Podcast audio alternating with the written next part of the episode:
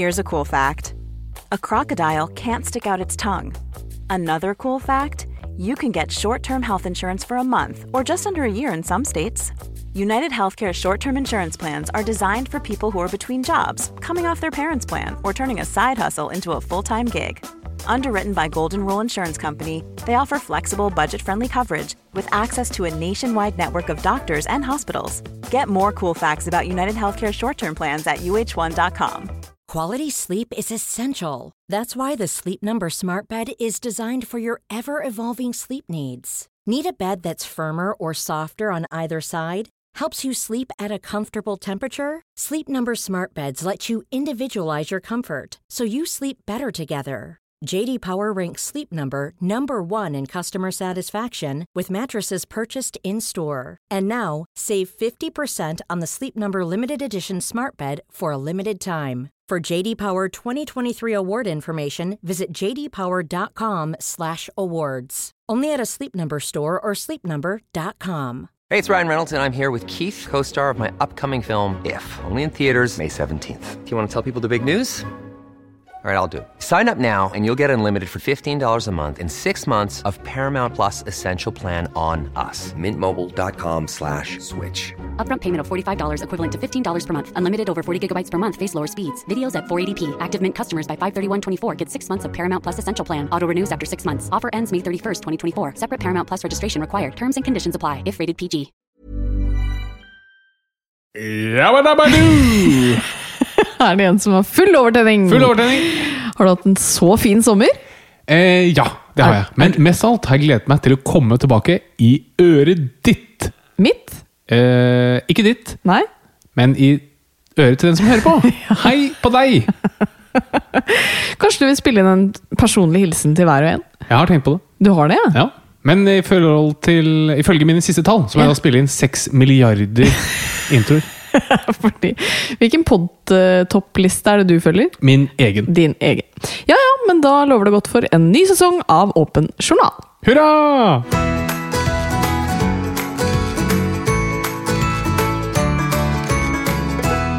Hei og hjertelig velkommen til en splitter ny episode av Åpen journal. Tusen takk.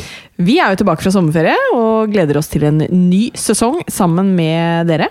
Det er helt riktig. Og det er veldig deilig å vite at du er like enig med meg eh, nå som før. Det er helt korrekt. Ja. Og tema for dagens episode det er noe som rammer opp mot eh, 20% av kvinner. Oi. Hva tror du det er? Eh, det må Du være vet jo. Jeg vet det. Ja. Da tipper jeg på endometriose. Det er helt riktig. Hurra! Og så får vi besøk da, av en som har snakket åpent om at hun har akkurat dette. Nemlig nestleder i Arbeiderpartiet, Hadia Tajik.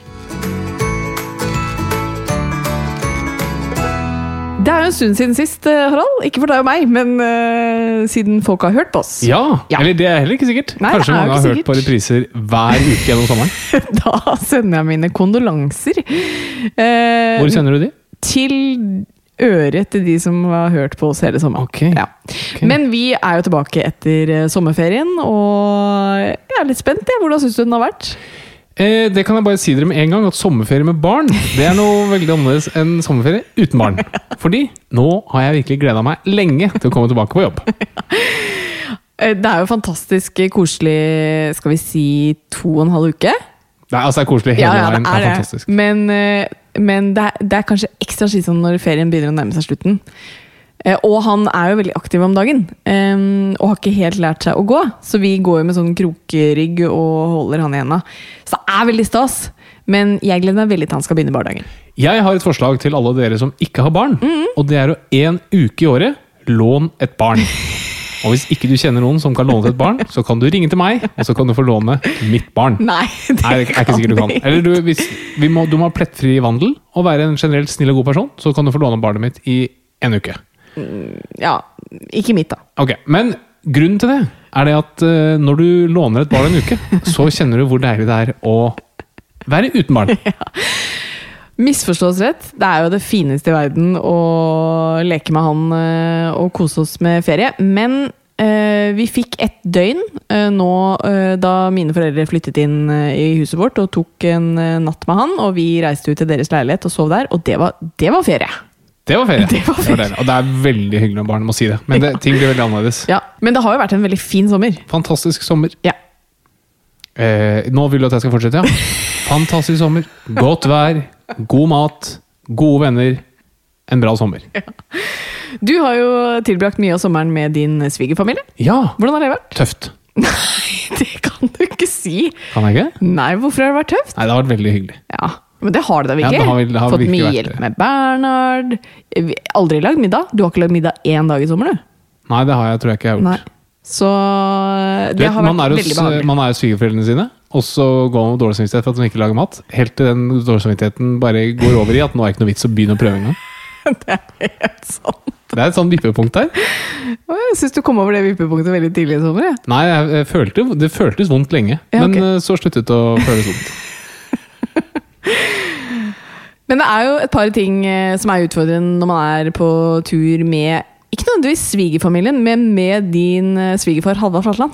For Ja. han er jo veldig hyggelig å være på tur med, men han har jo en eh, Han har jo sine regler, holdt jeg på å si, for hvordan han vil at ting skal være. For eksempel så har han en kopp som alltid skal stå under kaffemaskinen. Ja, på en sånn kaffemaskin, som man trykker på en knapp, og så kommer den til å koke kaffe. Og den har en dryppskål under.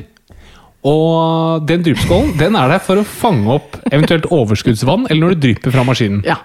Men det er ikke nok for Halvard Flatland. Nei. Han skal ha en kopp under den eh, tuten, kaffetuten. Og nåde den som ikke setter den koppen under der. Og jeg prøvde så vidt å utfordre han og si at du vet du trenger ikke det, for det er en dryppskål under som skal tømmes. Nei, det var ikke mulig. Og han har sett det med egne øyne. At det kan sprute vann ut hvis ikke man setter koppen der. Og hvis mot formodning det er noen som har glemt å sette den under, da blir nesten alle tilkalt til kjøkkenet. Absolutt. Og så må vi stå skolerett på hvem som har gjort det. Så det er et par sånne ting, da. Et par Men sånne eh, ting. jeg vil tippe at det er ganske mange som kjenner seg igjen Eller ikke ganske mange, det er jeg litt usikker på, men det er noen som kjenner seg igjen og tenker selvfølgelig har man en kopp over dryppskålen. Ja da. Ja. Altså, vi har det, vi òg. ja, vi har det, vi òg, men det er fordi han har kjøpt det. Ja. Men vi eh, Det går an uten òg. Ja, det er helt riktig. Men alt i alt en fantastisk eh, hyggelig sommer. Bortsett fra en veldig skummel opplevelse. Ja, og det var forferdelig guffent. Det er faktisk det verste øyeblikket jeg har hatt i mitt liv til nå. Og det var at uh, vår kjære Bernhard, han gikk i skiferplassingen med hodet først. Ja. Fra mitt fang. Ja, han falt ned på gulvet fra en ganske lav solseng, da må vi forklare. Mm. Jeg satt på solsengen, Bernhard satt på mitt fang, og så var det en liten misforståelse. Mitt ansvar 100% og så gikk han hodet først ned i skiferen. Det var grusomt. Det var helt forferdelig. Det, da stoppet eh, nesten mitt hjerte. Men så eh, dro vi inn til eh, Tønsberg, for da var vi på Tjøme. Og da, på vei dit, så ble vi møtt av ambulanse. Fantastisk flinke folk der. Kjørt til sykehuset. Og i akuttmottaket så sto det barnelege, ortoped, anestesilege, sykepleiere. Masse folk sto klare til å ta imot lille Bernhard. Og da blir man utrolig glad for at vi bor i det landet her, med det fantastiske offentlige helsevesenet vi har. Og dere som eh, jobber i ambulansen, og som jobber på sykehus. Fantastiske folk. Og dere som jobbet den lørdagen på, i Tønsberg, dere skal ha en enorm takk fra oss og fra Bernhard. Ja. Fordi det skal jo sies at han, øh, han øh, fikk en ordentlig kul i hodet, men han var jo øh, bevisst hele tiden og gråt jo selvfølgelig når han fikk kulen. Men da vi kom på sykehuset, så lekte han jo på stua på akuttmottaket. Så han var i veldig fin form, men det var jo mest kanskje skummelt for deg og meg. Man blir ekstremt redd. Um, og jeg vil også bare si tusen hjertelig takk til eh, hun fra ambulansen som satt på i vår bil da vi møtte de på veien, og så ble hun med i vår bil eh, til akuttmottaket.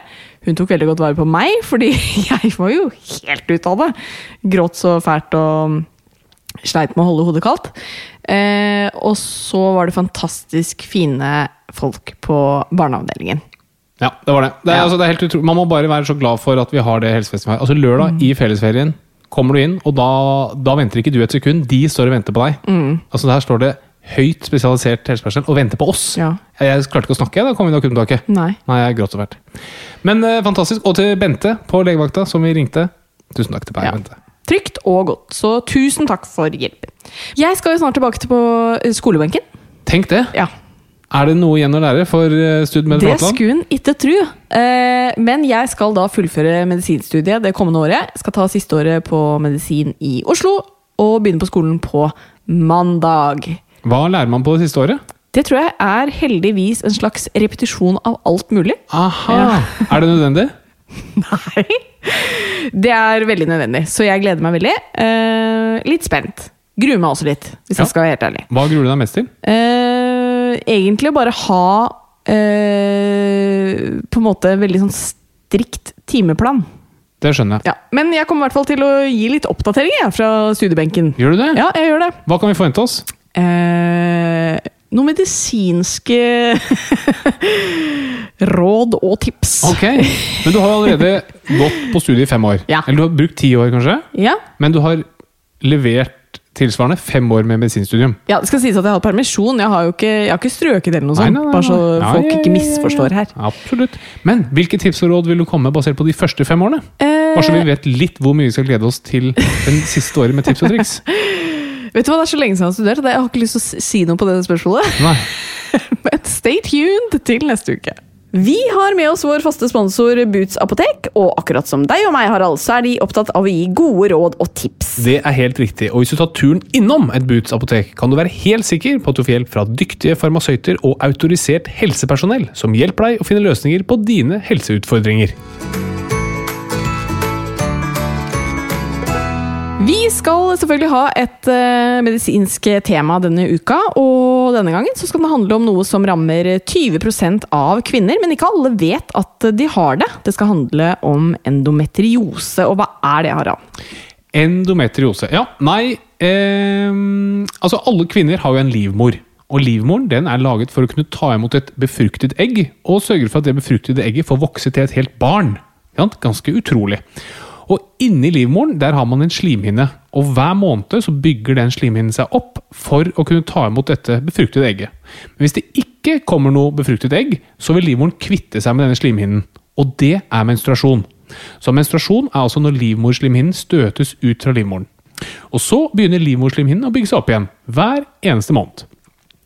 Så i livmoren er det altså bestemte celler som bygger opp denne slimhinnen, og så avstøter den hver eneste måned. Endometriose det er når disse cellene som da lager og bygger opp denne slimhinnen, finnes utenfor livmoren. Og når disse cellene bygger opp slimhinnen, og så frastøtter seg slimhinnen, så gir det smerter, fordi denne slimhinnen irriterer andre organer som ikke liker å bli irritert. Så det vil si at uh, den gangen i måneden hvor du har menstruasjon, så blør du jo fra livmorslimhinnen inn i livmoren. Ja. Men du vil også for eksempel, hvis du har da disse cellene i, eh, på tarmen eller på eggstokkene, så vil du også blø der. Yes, Ja. det er riktig. Og det er veldig vondt, da. For når du blør inni livmoren det er jo Livmoren er vant til det, så det, eh, du, man, det er vanlig med litt eh, smerter. Men da blør det ut, og blør ut gjennom skjeden, og du får en menstruasjonsblødning. Mm. Men når det skjer andre steder, f.eks. hvis det ligger sånne celler på tarmen, så kan det gi ganske kraftige smerter. Ja. For hva er symptomer på endometriose? Så det typiske er jo smerter, og da er smertene verst rundt eh, menstruasjonen, fordi det er da slimhinnen avstøtes. Og I tillegg så kan man få smerter hvor man av andre årsaker irriterer organer som igjen blir irritert av slimhinnecellene. Skjønte du det? Så for eksempel hvis disse cellene kommer da, disse slimhinnecellene kommer og legger seg rundt endetarmen, da kan du få veldig vondt når du går på do og har avføring. Eller man kan få smerter under samleie, for da vil penis være inni skjeden og irritere andre organer via skjeden. Eh, Et annet symptom det er infertilitet, altså redusert evne til å bli gravid. Og Det kan skyldes eh, flere ting, men det viktigste er liksom en generell irritasjon av organene som skal gjøre at man blir gravid. Uh, Men hvordan skal man klare å skille endometriose fra vanlige menstruasjonssmerter? Nei, det er jo ikke så lett. Og det er jo en- av de viktigste årsakene til at mange går rundt med endometriose uten at de får stilt diagnosen. Fordi enten man selv tenker at ja, ja, men dette var vanlige menstruasjonssmerter, eller kanskje til og med noen leger sier at ja, ja, dette er vanlige menstruasjonssmerter, det må du bare tåle. Så hvor kraftig kraftige smertene er, det er veldig viktig å, å spørre om. Og i tillegg er disse andre tingene, f.eks. om du har smerter når du går på do og har avføring, eller smerter ved samleie, eller om man går rundt og har følelse av eh, konstant urinveisinfeksjon når man har menstruasjon. For disse endometriosecellene, eller disse slimhinnecellene, kan legge seg rundt urinblæren og skape en irritasjon der også. Eller at man da sliter med å bli gravid. Helt riktig. Ok, Du har nevnt noen av de stedene man kan ha det, da, på tarmen og sånne ting. Men hva er de vanligste stedene å få endometriose på? Altså Disse slimhinnecellene de kan jo reise i teorien hvor som helst, da. men det vanlige er at de reiser rett utenfor livmoren. Så husk at livmoren den har flere inn- og utganger. Livmoren den tømmer seg i skjeden, det er der menstruasjonen kommer ut. Men livmoren har også åpninger ut mot eggstokkene. Så der kan livmorcellene komme seg ut. Eh, og det som ligger i det området der, det er jo eggstokker, og det er tarm, og det er blære. blære. Jeg mener å ha lest at uh, man kan få det på lungene. Altså I teorien kan du det. Jeg tror det er veldig ekstremt uh, sjelden. I, på lung, altså, jeg husker jeg har lest om at du kan få det rundt lungene. At du får Mm. Ja, det er det jeg tenker på. Men jeg, jeg tror nesten det er sånn Dr. House-episode. Sånn ja, ekstremt ekstremt sjelden. Ja. Men det du kan få, som er relativt vanlig, det er at disse cellene som da ligger inni livmoren, de kan grave seg inn i selve livmormuskelen. Mm. Livmoren er jo en, en stor muskel. Ehm, og da kalles det adenomyose, når de graver seg ned i, i muskelen der. Mm. Men hva er det som skjer eh, som gjør at man får smerter? Så disse slimhinnecellene produserer jo slimhinne som blør hver eneste måned rundt menstruasjon. Og hvis ikke du er vant til å ha masse celler som blør, så er det veldig irriterende. Og det er for kroppen smerter, da. Om det er inni bukhulen eller på tarm, som vi har sagt om, eller på blæren, så vil det irritere det organet og gi smerter. Hvordan stiller man diagnosene? Den stilles egentlig bare ved å snakke med pasienten. og Basert på hva pasienten forteller om eh, smertene, så kan man i de fleste tilfeller stille diagnosen. Og I tillegg så vil det at pasienten blir bra på p-piller være en ganske viktig eh, måte å diagnostisere det på. For når du bruker p-piller, så stopper du endometriose. Da vil du ikke eh, produsere noen ny slim, slimhinne som, som brytes ned og, og blør en gang i, i måneden. I noen tilfeller, hvis man er usikker, så kan man ta ultralyd. Og for å bli helt sikker, så må du faktisk gjøre kirurgi. Hvor du går inn og så åpner du gjennom kikkhull og titter inn i, i magen. Men det som er ganske vanskelig med endometriose, og som også kan bidra til at mange går med dette udiagnostisert, eh, og, at mange leger syns det er vanskelig, det er det at det er ikke noe sammenheng mellom hvor, mange, hvor mye endometrioseforandringer man har, og symptomene man har. Så du kan ha veldig mye endometrioseforandringer, men lite plager, og omvendt. da.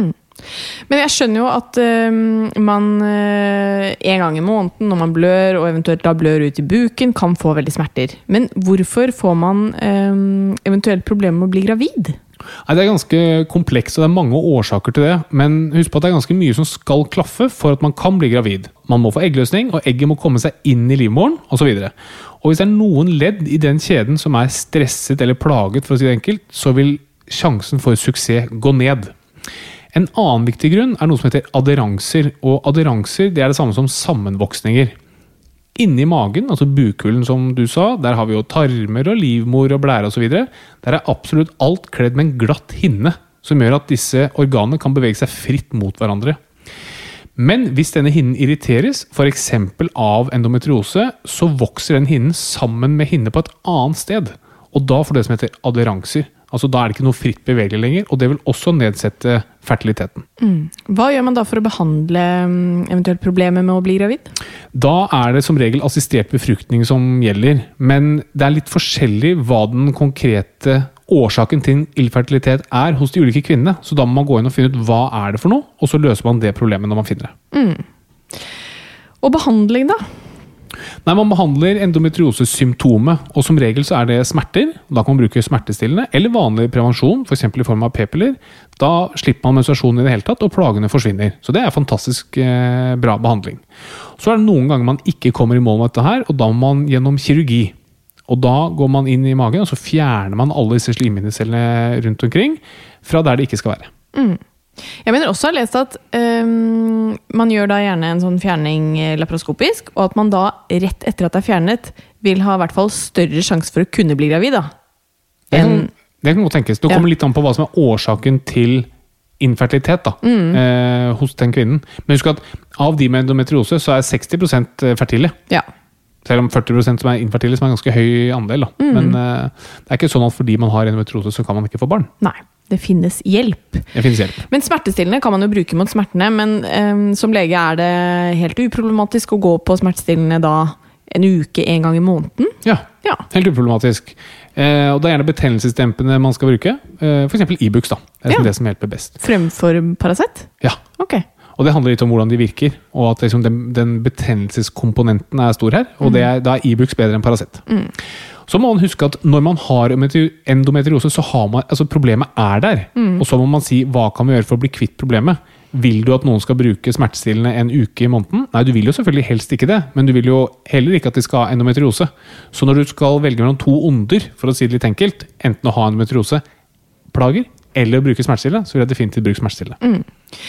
Det er jo en eh, diagnose som uh, trolig er ganske underdiagnostisert. Um, og uh, det er jo også vanskelig, litt sånn som med hodepine, at det blir veldig opp til pasienten selv da, å gradere. ikke sant? Ja, men Hvor vondt har du egentlig, i forhold til hva du skal få av behandling og hjelp. da.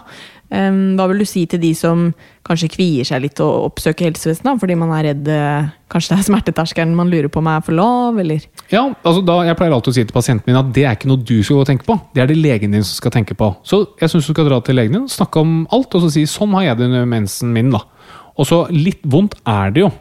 Og så kan man si at hvis du er borte fra skolen, eller du må sykemelde deg fra jobb, eller du må bruke mye smertestillende, da kan det være at man snakker om endometriose. Og da finnes det heldigvis god behandling. Husk på at det å kunne slippe mensen, som man kan med en del p-piller, det er ganske bra for veldig mange. Og p-piller har, har fått et ufortjent dårlig rykte. Så p-piller hjelper på, på veldig mye, bl.a. Uh, uren hud, alle disse PMS-plagene. Så snakk med lege, finn en lege som du stoler på, og som er interessert i dette her, og så vil du få veldig god hjelp. Bra. Aldri, aldri vær redd for å oppsøke legen. Aldri vær redd for å være, tenke at legen skal tenke at du har lav smerteterskel. Sånn er det ikke.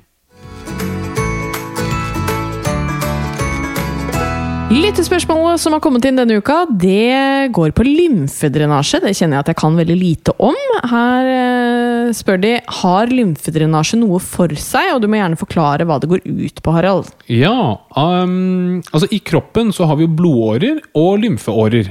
Og hele tiden så lekker det ut litt væske fra blodårene våre. Overalt i kroppen. Og da er det lymfeårene som samler opp denne væsken, og så tar den den væsken tilbake igjen til blodårene. Eh, hvis lymfesystemet ikke fungerer, så får vi hevelser. For da er det jo ingenting som fjerner den væsken som lekker ut av blodårene. Og det kan typisk skje etter kreftoperasjoner. Og i Norge så er det da vanligst etter brystkreftoperasjoner. Fordi etter en del brystkreftoperasjoner så fjerner man litt av lymfesystemet. Og da vil man få hevelser, for da har man jo ikke noe lymfe som tar unna den væsken som lekker ut av blodårene. Og det er typisk da i en arm, da, på den siden man har gjort denne typen kirurgi. Da kan man bruke eh, det som heter lymfedrenasje. Altså det er en slags massasje som melker ut denne overskuddsvæsken i det området man har hevelse. Så hvis du har problemer med lymfesystemet, så kan lymfedrenasje være helt supert. Hvis du ikke har problemer med lymfesystemet, da er det ikke godt for noen ting. Ehm, det finnes jo en del useriøse aktører som vil si for at lymfen er viktig for å rense kroppen for avfallsstoffer osv. Ved lymfedrenasje så hjelper vi kroppen med å rense opp. Og det er bare tull, fordi lymfesystemet tar jo bare alt væsken og så legger den tilbake igjen i blodårene. da. Eh, du kan sikkert, Det er sikkert digg. Sikkert, det er sikkert som en massasje. Og så kan det jo i teorien være at du, du får litt sånn du klemmer ut litt lymfe i det øyeblikket, sånn at du ser litt tynnere ut. da, Om du, om du gjør dette på en, en arm eller et ben. Men det tar jo ikke mange minuttene før den væsken kommer tilbake igjen. Altså, Det lekker jo hele tiden ut av blodårene. Ja. Så håper jeg ikke jeg har tråkket på noen uh, tær. Det har jeg helt sikkert, men uh, sånn er det bare. Den ærlige sannheten. Men har man uh, et lymfesystem som ikke fungerer, så har dette noe for seg. Absolutt.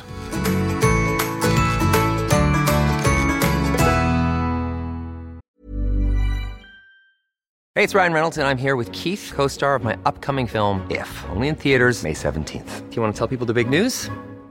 All right, I'll do it. Sign up now and you'll get unlimited for $15 a month in six months of Paramount Plus Essential Plan on us. Mintmobile.com slash switch. Upfront payment of $45 equivalent to $15 per month. Unlimited over 40 gigabytes per month. Face lower speeds. Videos at 480p. Active Mint customers by 531.24 get six months of Paramount Plus Essential Plan. Auto renews after six months. Offer ends May 31st, 2024. Separate Paramount Plus registration required. Terms and conditions apply if rated PG. Quality sleep is essential. That's why the Sleep Number Smart Bed is designed for your ever evolving sleep needs. Need a bed that's firmer or softer on either side? Helps you sleep at a comfortable temperature? Sleep Number Smart Beds let you individualize your comfort so you sleep better together. JD Power ranks Sleep Number number 1 in customer satisfaction with mattresses purchased in-store. And now, save 50% on the Sleep Number limited edition Smart Bed for a limited time. For JD Power 2023 award information, visit jdpower.com/awards. Only at a Sleep Number store or sleepnumber.com.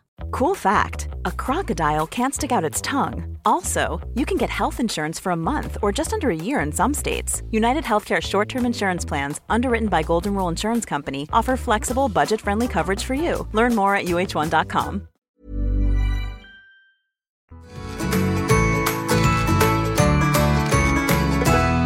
Dagens gjest er nestleder i Arbeiderpartiet, Hadia Tajik. Hjertelig velkommen. Tusen takk for det. Hvordan har du det? Jeg har det bra. Ja. Og du? Jo, altså, takk som spør. Litt uh, svimmel. Eh, vi snakket jo litt om det før vi gikk på her, at eh, det er hektisk med barn. Veldig hyggelig med barn, men at det er litt sånn tidlig morgen på oss. Hvordan syns du småbarnstilværelsen er? Jeg syns det er fantastisk. eh, Og frustrerende. Og utfordrende på en og samme tid. Men i natt var altså den første natta der jeg eh, gikk ut av soverommet, soverommet vårt og la meg en annen plass. Gjorde du det? Ja, fordi eh, denne fantastiske babyen eh, fant ut at hun ville være våken sånn eh, i halv fem-tida. Eh, og jeg var så sliten, jeg hadde sovet så lite, og jeg vet at i morgen skal jeg veldig tidlig opp. Jeg skal være på flytoget sånn eh, 05.20. Så jeg bare tenkte at hvis jeg nå i tillegg skal gå inn i denne dagen på minus, det bare går ikke. Så Men jeg- du la deg i samme hus, eller? I samme hus, heldigvis. Det var bare nytt rom? Ja, jeg bare dytta litt på mannen min, så sa jeg jeg går og legger meg i naborommet. Og så han, mm, sier han, og så ja, jeg gikk og la meg. Men det der er veldig fascinerende, fordi vi startet jo eh, barnetilværelsen med å si sånn Skjønner ikke de som ligger på forskjellige rom, og Ja. det må man aldri begynne. Nei, her, tenk med parforholdet, ikke sant. Og så kommer jo Bernhard, og da er det sånn Ved første mulighet, Krangle som hvem ut som av kan rommet. flytte på det andre rommet. Men det, det gir jo litt mer energi da å få en god natts søvn. Ja, det gjør det. Og akkurat nå er det liksom den intensive valgkampen har begynt. eh, Og det er hektisk hele dagen. Og heldigvis så har jeg en mann som har veldig forståelse for det. Sånn at eh, det ikke blir noen sure miner og ikke går utover parforholdet. At eh, jeg noen netter er nødt til å gå og legge meg en annen plass. Det skjønner jeg veldig godt. Hvordan er det å kombinere valgkamp med baby, da? Du, Jeg har jo aldri gjort det før, så jeg er litt spent sjøl. Men det som er liksom betryggende, er at det er jo veldig mye damer som har gjort det før meg. Og det har jo gått bra. Og det ser jo ut som eh, stort sett at det blir folk av de ungene òg. Sånn at eh, eh, ja, jeg satser på at det skal gå, gå bra for min del òg. Ja. Vi snakket jo litt om å selge mellomnavnet til Bernhard til en annonsør, da, for eksempel. Har dere tenkt på noe samme altså for valgkampens del? Altså, du kunne jo sannsynligvis fått ganske mye oppmerksomhet og kanskje noen stemmer ved å oppkalle datteren din etter et eller annet innenfor Ja. Arbeiderpartiets politikk. Uh, s- nå tenkte jeg Sofia Coca-Cola, liksom, men, det, men det, jeg vet ikke helt. Det kan hende at det er litt belastende òg, men jeg er ikke helt sikker. Jeg er åpen for innspill her. Ja. Nei, jeg bare, dette er et, uh, her får dere gratis tips. Enig. Hva gjør man ikke for seier, ikke sant? Så- Eller male henne rød, eller Jeg har fått sånn, eh, sånn koselige babyting med sånn Arbeiderparti-logo og sånn på. Eh, og jeg er, jeg er jo entusiastisk sosialdemokrat, så dette er jeg, jo, jeg er jo veldig for det. Men det jeg kjenner likevel, er at det å gjøre ungen min til en sånn reklameplakat, selv om det bare er en sånn søt liten body, jeg er ikke helt komfortabel med det. Altså. Nei, jeg skjønner det godt, jeg. Ja. Um, men hun kan jo ikke noe for at mor hennes har et offentlig verv. Stakkars. Hva hvis hun blir høyre, begynner å stemme med Høyre, da? Får hun Da- lov å bo hos deg fortsatt? Nei, da blir hun arveløs. Ja. Og jeg tar etternavnet mitt tilbake. Men ellers veldig fri oppdagelse. Men hva syns du har vært det beste da med å, å bli mamma? Og det er jo nesten vanskelig å sette ord på, men det er så fantastisk at det i det hele tatt går an. At det går an å gro et menneske inn i magen som kommer ut, og som har sin egen personlighet. Det er jo helt vanvittig! Det er helt sjukt. Og dette har man gjort i generasjoner! Jeg bare synes det er helt Hjelpe meg. Ja, men det, det er det som er utrolig, og jeg sier jo det ganske ofte. Ja. Sånn, tenk i vikingtiden også. Da De overlevde, de barna der òg. Vi har videobabycall, og det er temperaturmålet på soverommet, og det er som et minste klynk. Men eh, ja, man, har- man har til og med klart det uten de tekniske hjelpemidlene vi har i dag. Mm, ja da, jeg er helt enig. Det, det fins det mange som kan huske på iblant. At det kan bli i overkant uh, påpasselig, eller? Ja, altså, Ja, jeg, jeg, syns ikke vi skal gå helt tilbake til vikingtiden, men uh, det har gått også med mindre hjelpemidler enn det Ja, vi har. jeg vet det. Men uh, ja, jeg vet ikke. Jeg har fått, um, jeg har fått veldig sånn eh, ulogiske bekymringer som jeg skjønner at jeg ikke burde ha, men som kommer snikende. Har du opplevd det samme? Jeg håper å si hva slags ting er du bekymrer Altså, deg det, for? dette er dårlig. Jeg, dette tror jeg ikke du kjenner deg igjen i, men vi var på fjellet på hytta. Vi hadde luftet på soverommet til Bernhard før han la seg. Og når vi da legger oss senere på kvelden, så får jeg det for meg at det har kommet inn en rev på det rommet. Eh, selv om vinduet er lukket. Og så vekker jeg Harald og bare sier sånn Du er nødt til å gå inn og se etter reven. Og han bare ja, jeg skal gjøre det. Og så tok jeg den takken. Se etter de lysende øynene, for det kan Lys i mørket! Du kan overse dem! Og så Og så kommer du tilbake, det var ingen Det var ingen rev der. Men det, det er jo bare noen, noen bekymringstanker. Ikke sant? Alt fra at man skal falle ned trappa til liksom Det kan jo skje, da. Ja, ja, men det er det jeg mener. Det det er veldig mye bekymring. Har du kjent på det? Ja, det jeg har rukket å bekymre meg for, det er selvfølgelig altfor tidlig å bekymre seg for det, men jeg ser jo at ungen min er veldig sosial, og i utgangspunktet en veldig glad baby. Jeg syns det er strålende å treffe mennesker. Og så kjenner jeg at eh, jeg blir så redd som mamma for at Tenk hvis hun ikke får venner, eller venner som ikke er snille med henne. Eh, tenk hvis hun blir avvist eh, i barnehagen. Jeg blir nesten litt sånn lei meg av å tenke på det nå. Altså sånn, eh, jeg kjenner at eh, Det syns jeg er vanskelig. Og så skjønner jeg at det er òg en del av livet. At du opplever at eh, ikke alle relasjoner er gode, ikke alle venner viser seg å være venner. Det er en del av det å bli voksen, eller liksom vokse til, da. Men jeg kjenner at det bekymrer meg for allerede, og hun er sju måneder. Det blir et langt, bekymringsfullt liv. Men det snakker vi mye om også. Bare det der med selvfølelse. Ikke sant? Nå er jo Når han ser seg i speilet, da, vi holder han opp, så er han jo strålende fornøyd. Ikke sant? Ler og wow, valker på valker på valker. Ikke sant? Elsker det. Og så er jeg liksom så redd at det skal bli borte. Ja. For det vet man jo at det, Det blir kommer borte. jo til å bli. Ja, Fordi i sommer. I sommer for eksempel, så var vi på hytta til familien Katarina. Og da gikk Bernhard eh, litt, en liten periode naken. Og da slapp han verdens største bæsj midt under spisebordet. Og så gikk han rundt, videre rundt da med en enorm selvtillit. Og sånn kunne ikke jeg gjort, f.eks. Så et eller annet sted på veien, mellom Merkelig han og min alder, så skjer det noe. Og det er, noen ting er kanskje bra, da, for så vidt. Men hvor mye tid har du til å ta vare på deg selv, da? Oppi valgkamp, eh, mor, eh, morstilværelsen og det nye livet? Jeg prøver å skape litt tid. I hvert fall til de tingene som jeg skjønner at det er viktig liksom, for at jeg skal selv være i vater. Eh, Både være i vater hjemme og på jobben. Og det å få trent litt, det er viktig. Sånn at eh, de som organiserer reiser og sånn, og har oversikt over kalenderen min og sånn, har jeg sagt at det er viktig at jeg tre ganger i uka får en sånn ordentlig treningsøkt. Sånn at Ja. det må vi bare liksom planlegge inn i det jeg gjør. Altså Det kan være helt enkle ting. Jeg kan løpe på en tredemølle, jeg kan løpe utendørs, eller hvis det er et bitte lite treningsrom på det hotellet som jeg bor på, så kan jeg løfte litt på de vektene der. Eh, sånne ting. Ja, Det tror jeg er ganske viktig. Særlig for kanskje det mentale, altså fysiske åpenbare. Men det å klare å koble litt av, tror jeg er lurt. Men selv om det står i kalenderen, så kan man jo være sliten, da. Klarer du likevel å tenke at nei, men dette, dette gagner meg på sikt? Jeg har ganske god disiplin. Ja. Eh, Sånn at um, Hvis jeg på forhånd har bestemt meg, og det står i kalenderen at det skal gjøres, så er det litt sånn at da, da gjør jeg det. Da skal det ganske mye til for at jeg heller velger å være, liksom, legge meg i sofaen. Eh, men det gjør jo også at noen ganger når jeg kommer hjem, så, eh, og jeg har tenkt å trene liksom, senere på ettermiddagen, så skifter jeg ikke til kosebukser. Da skifter jeg til, til treningstøy. Ja. Og så gjør jeg de andre tingene jeg skal gjøre hjemme. Sånn det kan hende det er noe rydding eller noe vasking eller sånn, et eller annet som skal spises. Og da har jeg fortsatt trening på, treningstøyet på meg, sånn at eh, jeg ikke skal liksom bli så komfortabel at det blir vanskelig å gå ut. Ja. Men har du, de som du reiser sammen med, har de våpen? våpen, f.eks.? Kan du si sånn Nå skal jeg trene, og hvis jeg ikke trener, så skal du skyte i lufta og, og peke på meg med en pistol? Um, jeg burde prøve ut det der, jeg, altså. Ja. Altså, det er, når man først har de der, og de stiller opp, så syns jeg absolutt du skal bruke dem for det de er verdt. Som motivatorer. Ja. Hvordan står det til med helsa sånn oppi det hele? da? Er det, er det god helse om dagen?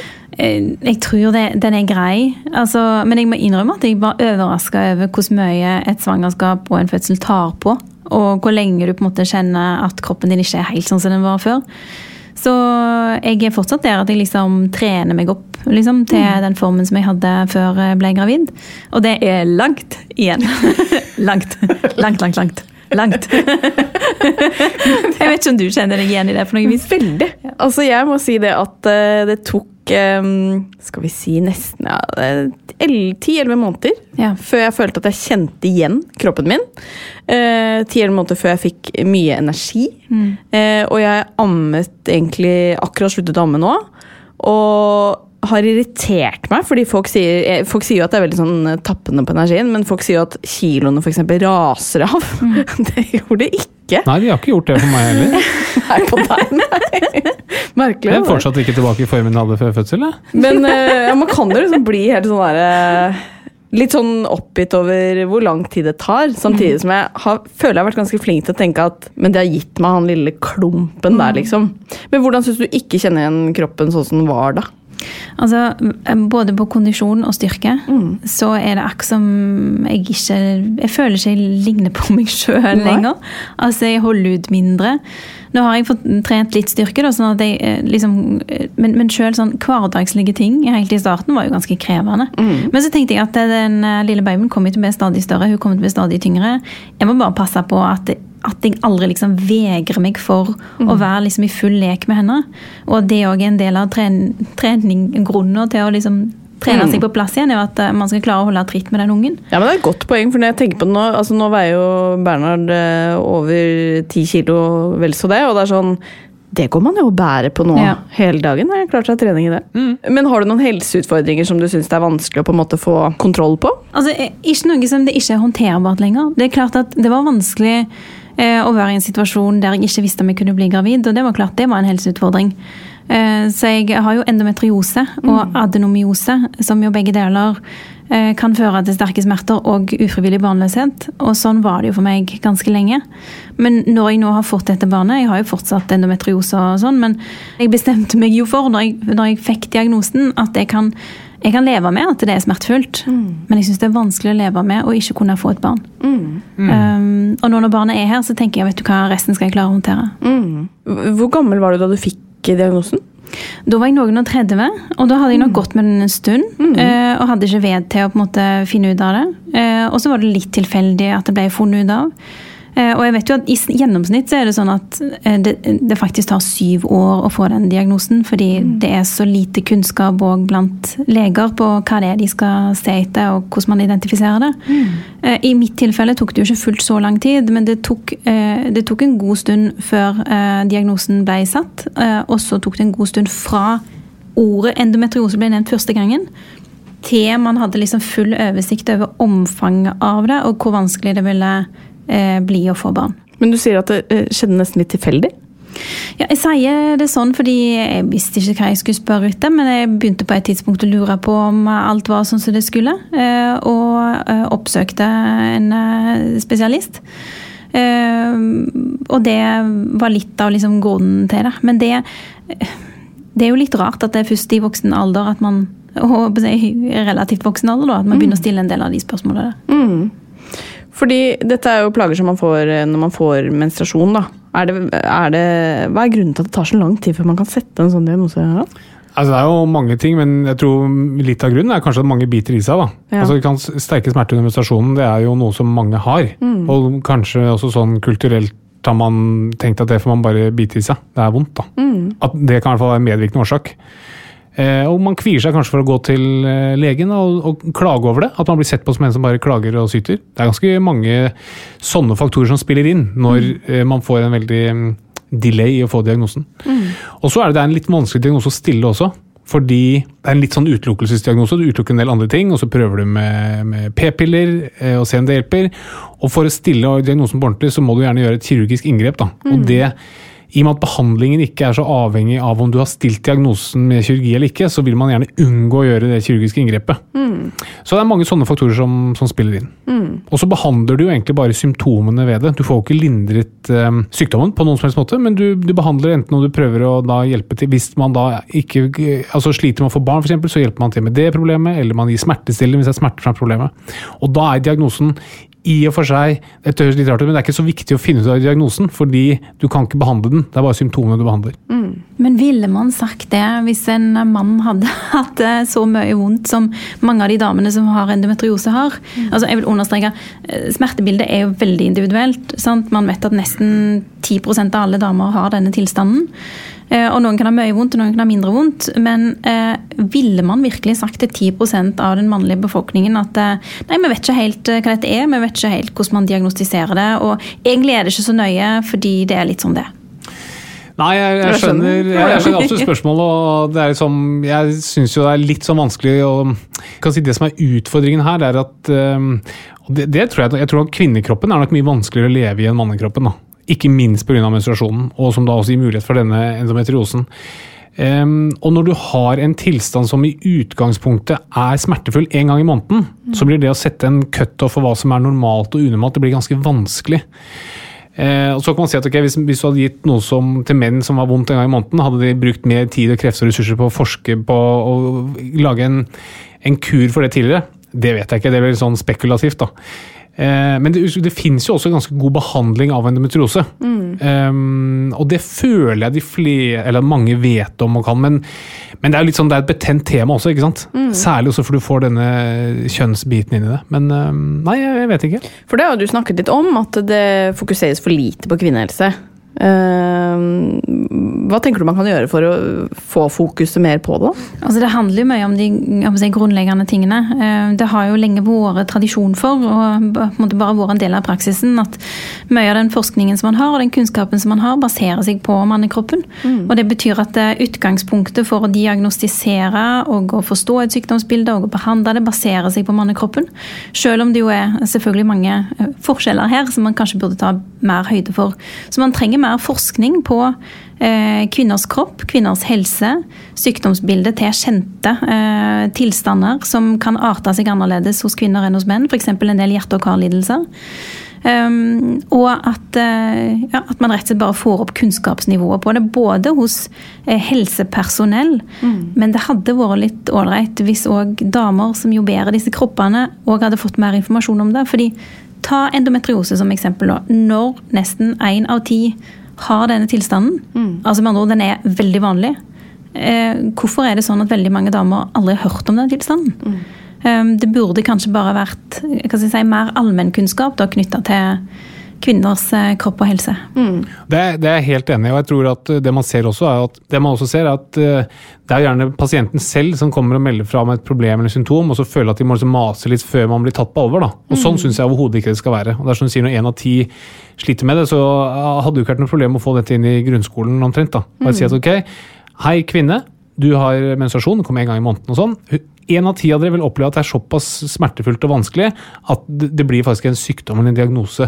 Da finnes det god behandling og sånn. Bare gå til fastlegen og si at uh, jeg tror jeg har mer vondt enn vanlig. Så fikser man det. Så det er, det er jeg helt enig i. Men det man sier i stedet, er at det varierer veldig, og folk er veldig forskjellige. og eh, sant? Man individualiserer det i stedet for å påpeke altså, at her kan faktisk systemene stille opp for deg eh, og hjelpe deg med den situasjonen som du er i. Altså man på en måte gjør kvinners helse mye mer privat da, enn den kanskje trenger å være.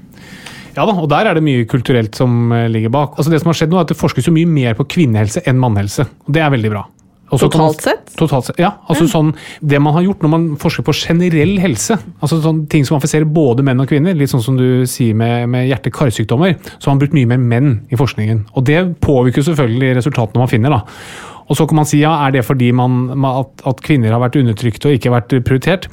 Jeg tror at det er kanskje litt mer nyansert enn det. Det som har vært veldig vanlig å, å forske på, er f.eks. rekrutter. For det er veldig lett du får inn såpass mange tusen som skal inn i militæret hvert år, at det er veldig lett å bruke de. En annen viktig ting er at menn blir ikke gravide. Og det er veldig skummelt å forske på eh, personer som blir gravide, altså som betyr kvinner. da. At det er mange sånne ting.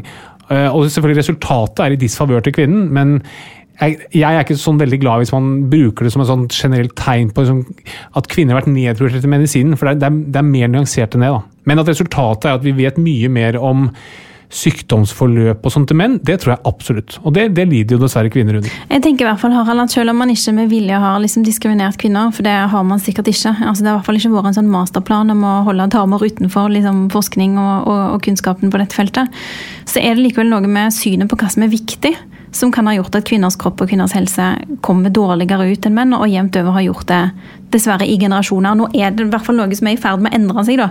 særlig i et land som vårt, der man har mye mer bevissthet omkring det. Eh, Men jeg opplever at det er ganske langt igjen. Ja da, og jeg er helt enig. Så jeg, jeg sier ikke, det er ikke for å si at det ikke har vært diskriminering av kvinner, men det er mer sånn, noen ganger så blir alt blir lagt som bevis for at det har vært en systematisk diskriminering. og Da sier jeg bare at jeg, jeg syns ikke det er et bevis for det, uten å si at det ikke har skjedd eller foregått. da. Og det, det tror jeg absolutt at og du ser det, Hvor er det kompetansen er høyest, hvor er det systemet fungerer? Jo, det er som akutte livstruende tilstander. Det fungerer ekstremt bra. Også Jo mindre viktig eller mindre farlig det er, jo mindre kan man prioritere det. Og Der faller jo dessverre en del av disse tingene innunder, som f.eks. endometriose.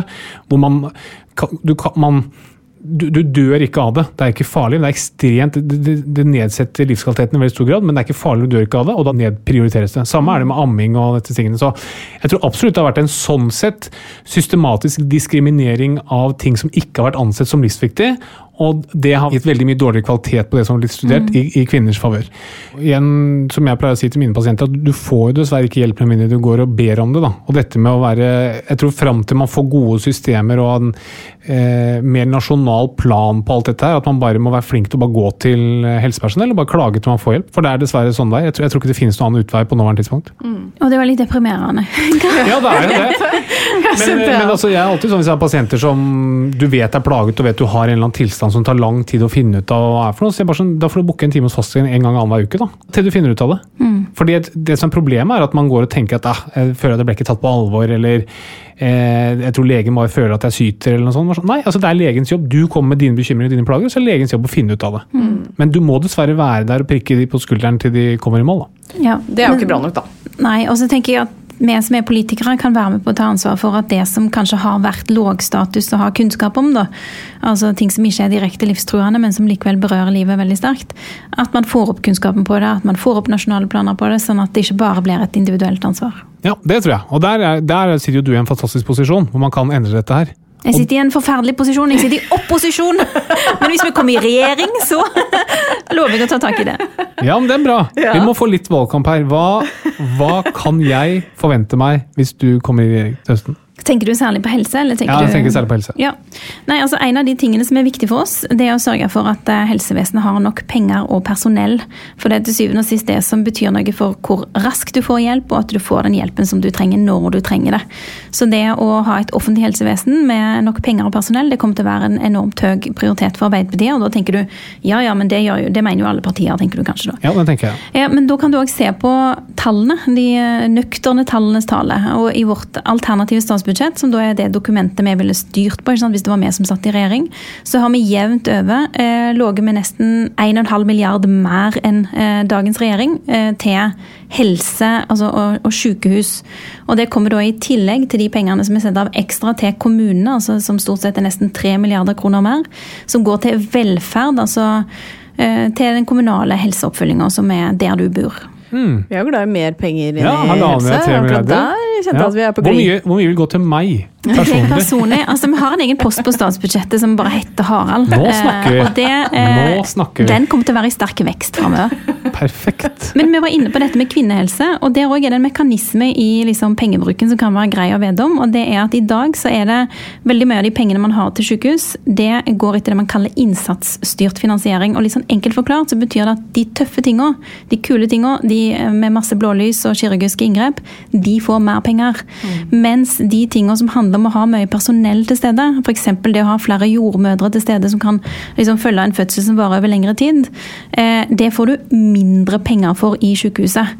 Eh, og det gjør jo at en del sånn kvinnehelseproblematikk eller liksom, ting knyttet til fødsel og barsel blir økonomisk underprioritert. Og det er noe som vi i Arbeiderpartiet ønsker å endre på.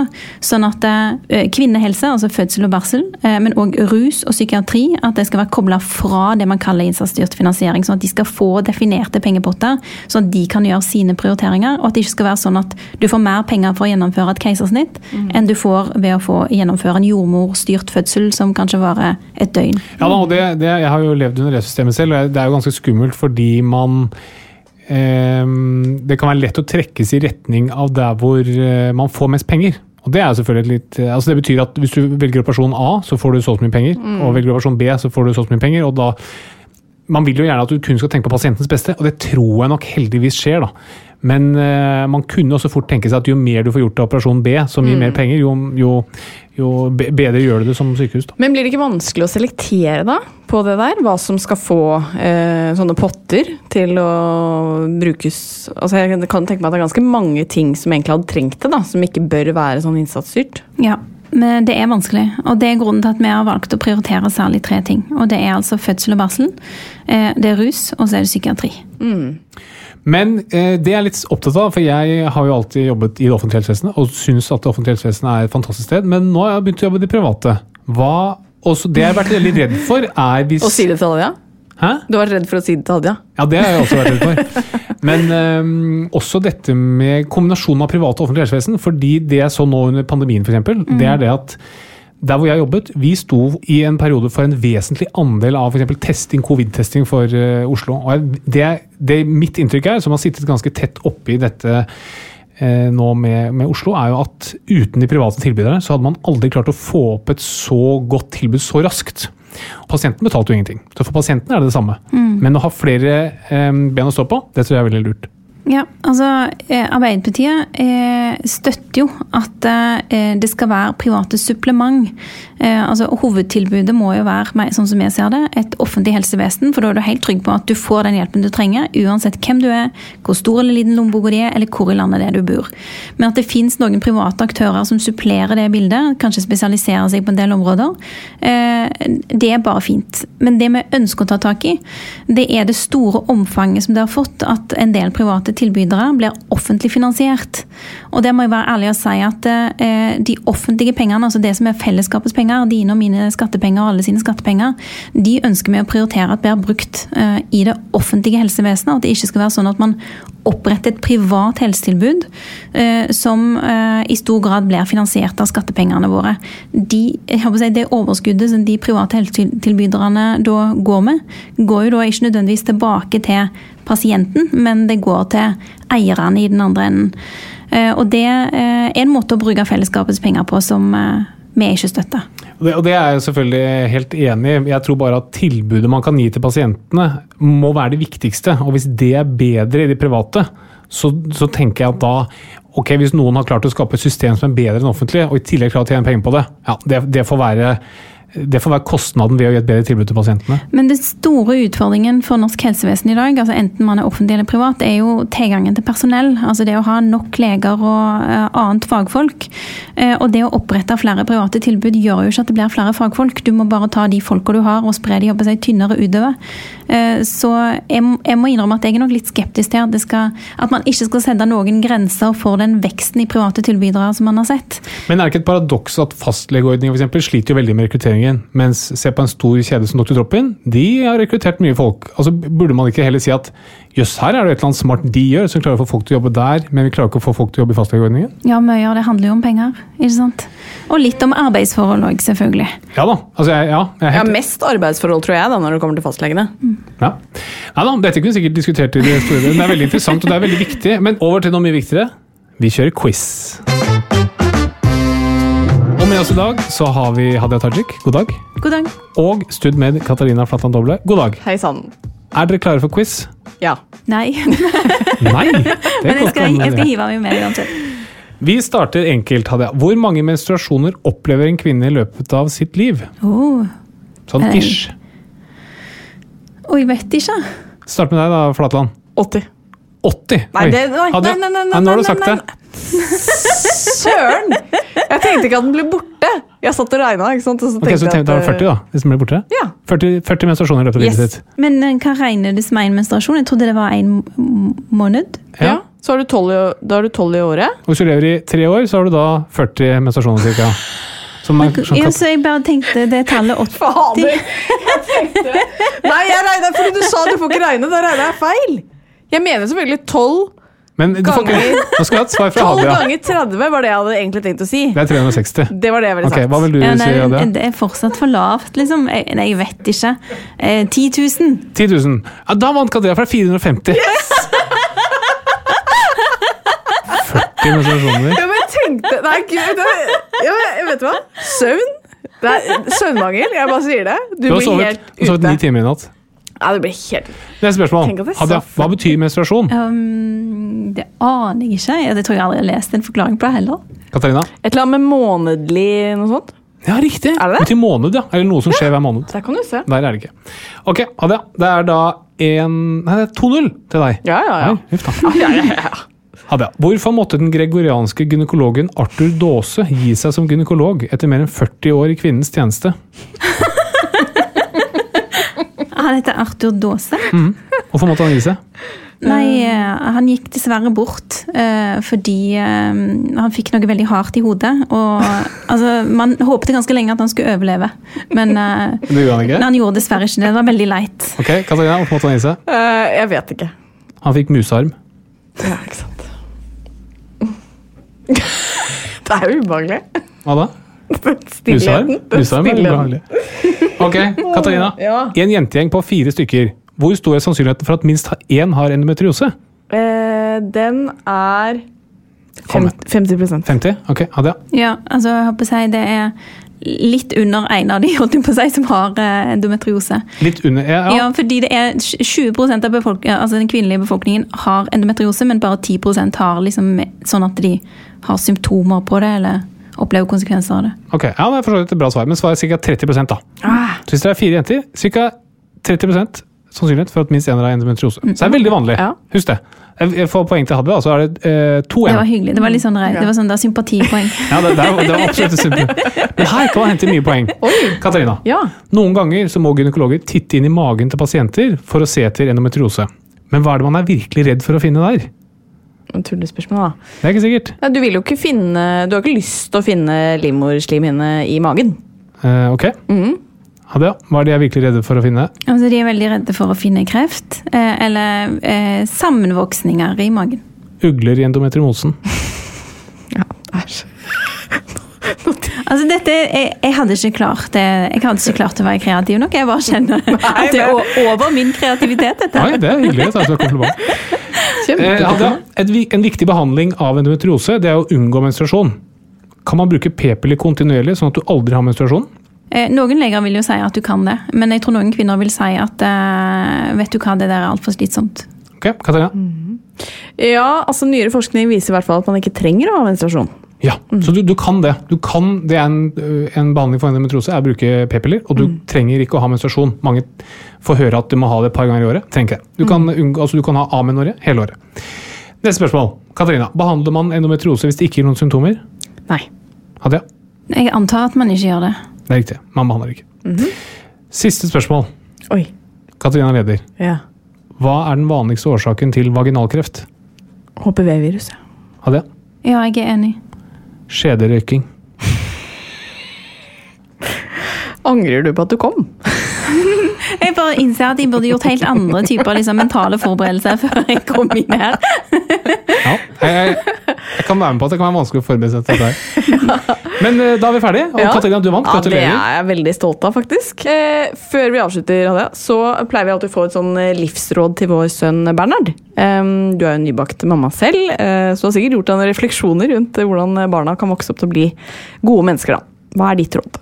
Til Bernhard, som han skal liksom høre meg si. Ja, det er mer sånn, Nå har du muligheten til å Vi, vi lover å videreformidle det. Ja. Så det kan være at du har et syn på livet som du vil at han skal ha. Eh, altså Mitt mål da for eh, barnet mitt eh, er at hun skal føle at hun er sterk og fri. Så jeg eh, håper at du, Bernhard, får eh, en oppvekst som gjør at du kjenner at du er sterk og fri. For det ligger mye på oss. Ja, Det ligger nok først og fremst på dere Ja, to. det gjør det. Tror du, Basert på det du har møtt oss, tror du det går bra? Jeg, jeg eh, tror han er i trygge hender hos Katarina. Litt mer usikker på deg. Tusen hjertelig takk for at du kom. Takk for at Eh, jeg Lykke til med valgkampen. Takk for det. Plan B.